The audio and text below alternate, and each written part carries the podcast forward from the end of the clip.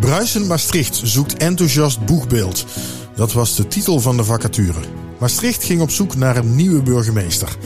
En die hebben ze gevonden. Wim Millenaar, leuk je dit te ontmoeten. Wim Hillenaar heeft Brabant verruild voor Zuid-Limburg en is sinds 1 juli 2023 burgemeester van Maastricht. Het is wel het gevoel van winnen. Het gevoel van de hoofdprijs, dat was ook wel een oprecht gevoel, ja. Ik volg hem in het eerste jaar in zijn nieuwe stad. Hoe begin je als burgemeester van buiten in een stad als Maastricht? In je eerste week eh, een aantal André Rieu-concerten hebben bijvoorbeeld. Ja, dat is letterlijk erin duiken. Een stad met een eigen cultuur, eigen tradities en zelfs een eigen taal. Ja, wat zal ik daar dus op zeggen, hè? Kump gehoord. En hoe zorg je er dan voor dat je op zijn Maastricht gezegd en een van us wordt? Volgens mij schept heel Maastricht er een genoegen in om mij slapeloze nachten te laten krijgen voor de machtsoverdracht. Hè? Dat is natuurlijk echt de proof of the pudding.